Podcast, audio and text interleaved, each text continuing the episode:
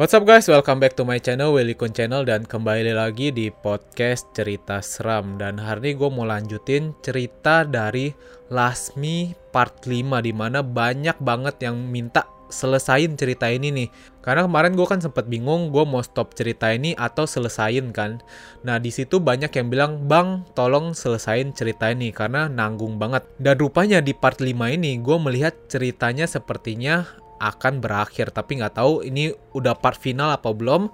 Tapi sepertinya sih part 5 ini adalah part terakhir dari cerita si Lasmi. Jadi kalian yang belum denger atau nonton part 1, part 2, part 3, dan part 4 nya please dengerin dulu. Bisa langsung klik link di atas gue ini atau lihat aja di deskripsi. Udah gue taruh linknya Terus untuk kalian yang dengar di Spotify, bisa langsung scroll ke bawah aja. Dan jangan lupa juga untuk support channel gue, caranya gampang banget. Tinggal klik tombol subscribe-nya, kemudian klik tombol loncengnya. Karena subscribe itu nggak merugikan kalian sama sekali. Terus kalau kalian denger podcast cerita seram, bisa langsung please klik tombol following-nya aja.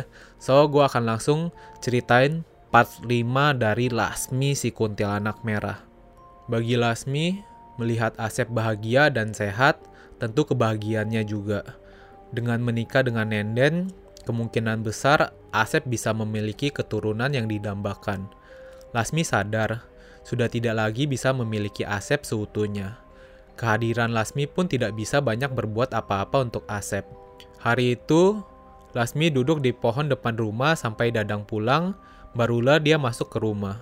Asep sudah berbaring di kamar, Luka akibat jatuh di hutan memperparah penyakitnya. Lukanya belum kering dan mulai bernanah. Lasmi makin khawatir. Asep seperti orang yang akan lumpuh. Asep meneguk air putih di nakas, lalu meraih foto pernikahan mereka. Lasmi pun duduk di samping Asep. Neng, seandainya yang sekarang di sisi Akang itu Neng, Asep menghela napas sesak. Neng selalu ada di sini, A. Seandainya Akang tahu, Neng di sisi Akang, ucap Lasmi pelan. Malamnya, Asep diserang demam. Dia tidur sambil menahan gigil dan mengigau memanggil nama Lasmi. Lasmi hanya bisa di sampingnya sambil menangis, berharap tidak terjadi hal yang lebih buruk dari ini. Lasmi berharap Nenden atau Dadang datang menolong. Lasmi sangat ketakutan. Lasmi sedikit lega ketika Asep akhirnya tertidur. Paginya, Dadang datang ke rumah dan langsung menyibak tirai kain kamar. Ele ele, belum bangun si Asep teh. Dadang lalu merebus singkong di dapur. Tidak lama kemudian terdengar suara seseorang. Assalamualaikum Kang Asep. Dadang pun melongok lalu membukakan pintu. Eh, punten, sail. Punten, saya Nenden, Kang. Oh iya, masuk-masuk atuh mangga. Nenden tersenyum kikuk, lalu dia tampak bingung ingin bersikap seperti apa. Lasmi lega, mereka berdua datang. Tidaknya Asep tidak sendirian. Punten, Nenden teh temennya Asep atau siapanya ya? Saya belum pernah kenal. Dadang terkekeh. Eh, saya teh temen kecilnya Kang Asep, Kang. Oh, Dadang manggut-manggut. Si Asep teh masih tidur, eh. Oh gitu, Kang. Kalau gitu, saya pulang aja, takut ganggu. Nenden sungkan. Eh, gak apa-apa, di sini aja. Sekalian tungguin Asep bangun. Saya juga lagi masak, kata Dadang. Sini, saya bantuin naruh barangnya. Oh iya, Kang. Nenden menyerahkan kain berisi bahan makanan. Saya juga bantu deh. Mereka pun ke dapur memasak makanan pagi untuk Asep. Punten Neng, Asep teh sebelumnya belum cerita ke saya soal teman kecil, ucap Dadang. Nenden tersenyum malu. Dulu ibu saya deket sama almarhum ibunya Asep. Kami jadi akrab. Oh, kirain mah. Dadang tertawa. Kenapa, Kang? Kok ketawa? Enggak, enggak, enggak. Dadang menggeleng. Sebenarnya saya teh kasihan sama si Asep, Neng. Udah mah dia sakit, sekarang nggak ada yang ngurus. Kata Dadang begitu. Gimana ya, namanya juga temen suka nggak tega saya. Nenden terdiam sejenak. Saya juga Kang, balasnya lirih. Lalu suasana hening, hanya terdengar suara rebusan air. Neng, punten, ini mah ya, kita baru kenal. Tapi kalau Neng memang berkenan sama Asep, sebagai sahabatnya mah saya setuju dengan adanya kamu. Asep jadi ada yang jagain, ucap Dadang tiba-tiba. Nenden kaget mendengarnya, begitu pula Lasmi. Dia menunduk, tidak tahu harus bagaimana. Kang, punten, saya mau isi air dulu. Nenden hendak beranjak, tapi tatapannya berpapasan dengan Asep yang baru keluar dari kamar. Eh, udah bangun Kang, kata Nenden. Iya, Dadang juga melirik Asep. Sep, ini makanan dari istri saya sama Nenden. Dimakan ya, saya duluan. Dadang tersenyum, lalu meninggalkan Asep dan Nenden berdua. Hening sejenak, gimana Kang? Udah mendingan? Tanya Nenden. Udah, Alhamdulillah. Kamu dari kapan? Kok ada Dadang? Tadi nggak sengaja ketemu. Kang Dadang udah di rumah Akang duluan. Asep hanya mengangguk. Tadi ibu titip salam, cepet sehat ya Kang. Iya, Den. Hatur nuhun. Salam juga buat ibu. Iya, Kang. Ibu juga bilang, katanya kalau boleh, Den di sini dulu temenin Akang. Kata Nenden hati-hati. Sok aja kalau kamu mau di sini mah. Asep tersenyum. Lasmi hanya memandangi mereka.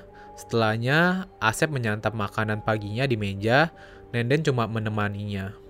Kamu nggak makan juga, Den? Nggak, Kang. Den udah makan di rumah. Oh iya, Kang Asep deket banget ya sama Kang Dadang. Iya, dia sahabat Akang sejak Akang kerja. Kalau Kang Dadang megang rebab. Kang, iya Den. Maafin Den ya. Maafin apa? Sebenarnya Dulu waktu Nden mau kerja ke kota, Nden gak mau.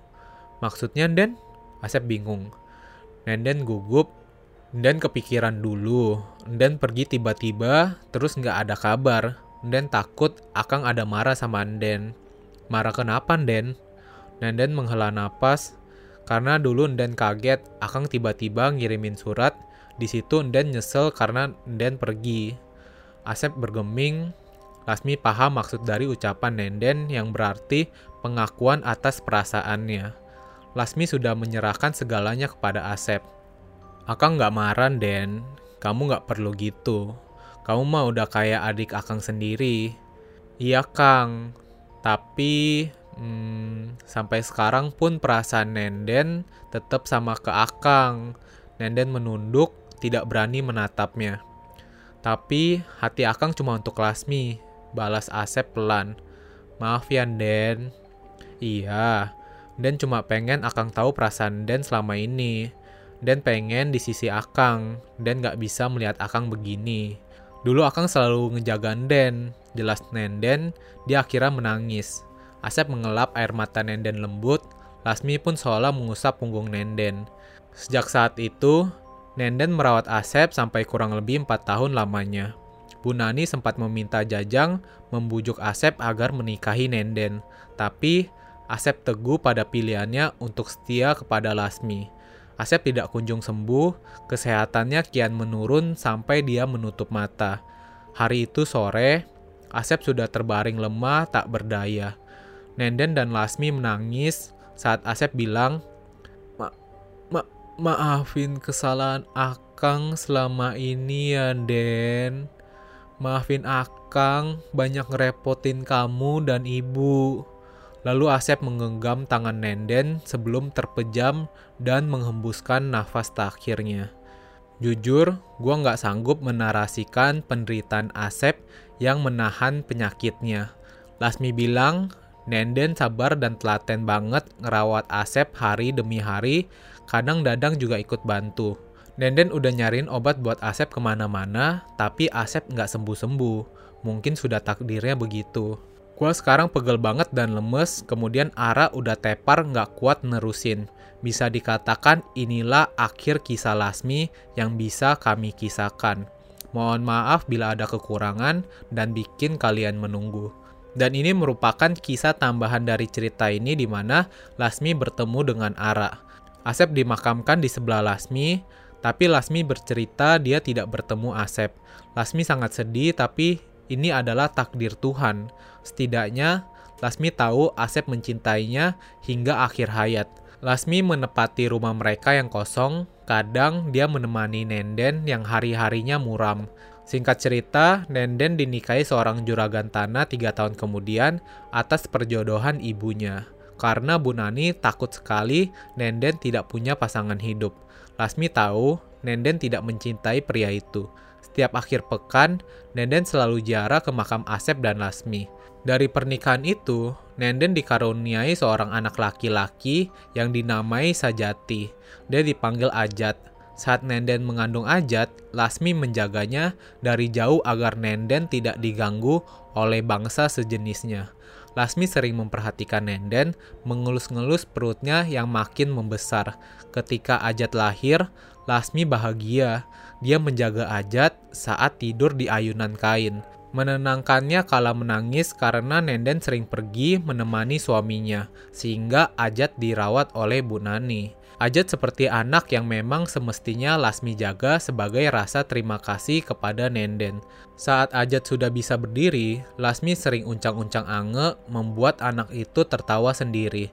Kadang Bu Nani menatap heran, tapi dia tidak curiga. Bu Nani justru lega karena Ajat tidak rewel dan merepotkannya. Bu Nani tidak pernah tahu Ajat sering dihibur oleh Lasmi. Ada satu kejadian lucu, hari itu menjelang maghrib, Ajat ditinggal sebentar oleh Bu Nani keluar.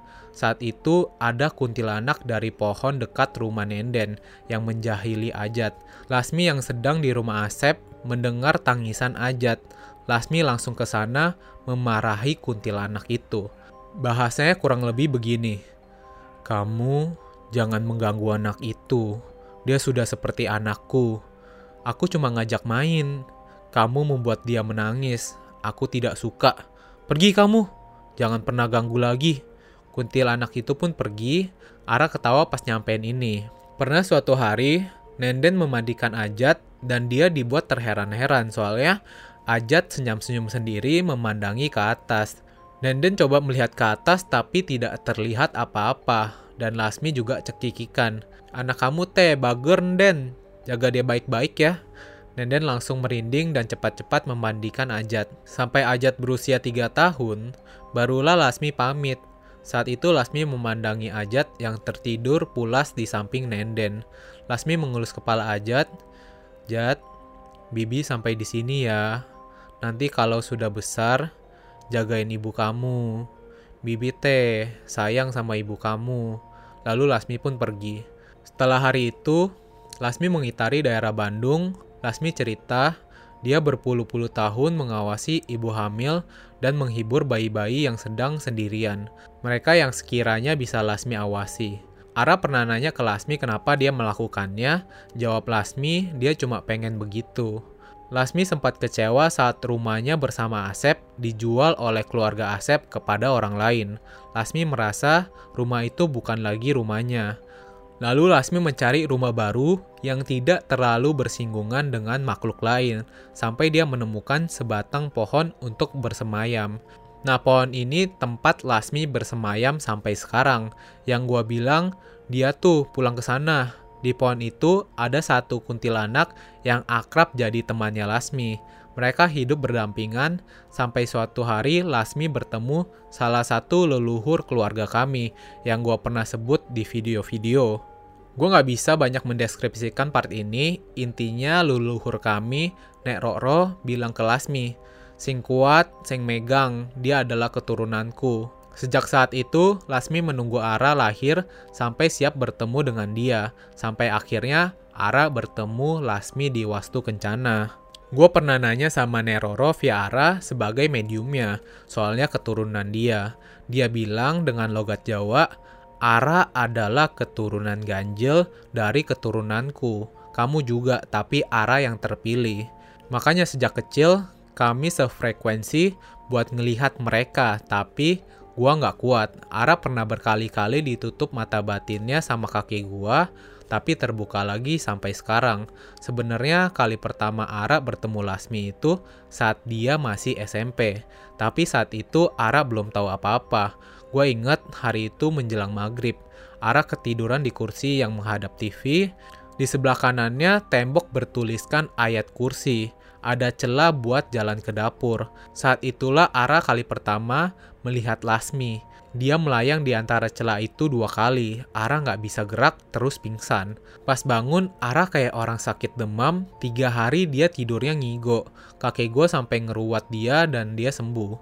Skip bertahun-tahun kemudian, pas Ara masih maba kuliah di Bandung, dia habis mandi dan bercemin balik dari kampus. Saat itulah Lasmi baru benar-benar mengenalkan diri kepada Ara. Kurang lebih begitulah kisah Lasmi bisa bertemu dengan Ara. Terima kasih sudah menunggu dengan sabar dan menyimak kisahnya. Kata Lasmi, hatur nuhun sadayana ya guys. So itu dia guys cerita mengenai Lasmi si kuntil anak dan gimana kisahnya Lasmi bisa bertemu dengan Ara dan akhirnya Ara dan kakaknya ini bisa menceritakan kisah Lasmi kepada kalian. Terus gue juga mau menanggapi pertanyaan kalian soal bayangan yang sering lewat di belakang gue nih. Ketika gue cerita kisah dari Lasmi. Nah itu gue juga nggak tahu itu bayangan apa, tapi gue ya cerita ini sendirian aja. Terus ada bayangan lewat, ya semoga itu sih bukan makhluk halus ya, tapi kalian sendiri lihatlah di part 1, part 2, part 3, dan part 4, dan mungkin part 5 ini juga ada, gue juga nggak tahu. Nah, jadi kalau kalian yang denger di Spotify pasti langsung penasaran kan, jadi coba cek lihat. Beneran gue juga ngeliat sih ada bayangan tuh, tapi ya udahlah mau gimana. Gue di sini cuma mau menceritakan kisah Lasmi kepada kalian, khususnya di YouTube dan di Spotify. Semoga kisah ini bisa menemani kalian ya guys. Itu dia part 5 dari kisah kuntilanak merah Lasmi. So guys, thank you guys for watching this video dan sudah dengerin di podcast cerita seram. See you guys in the next video.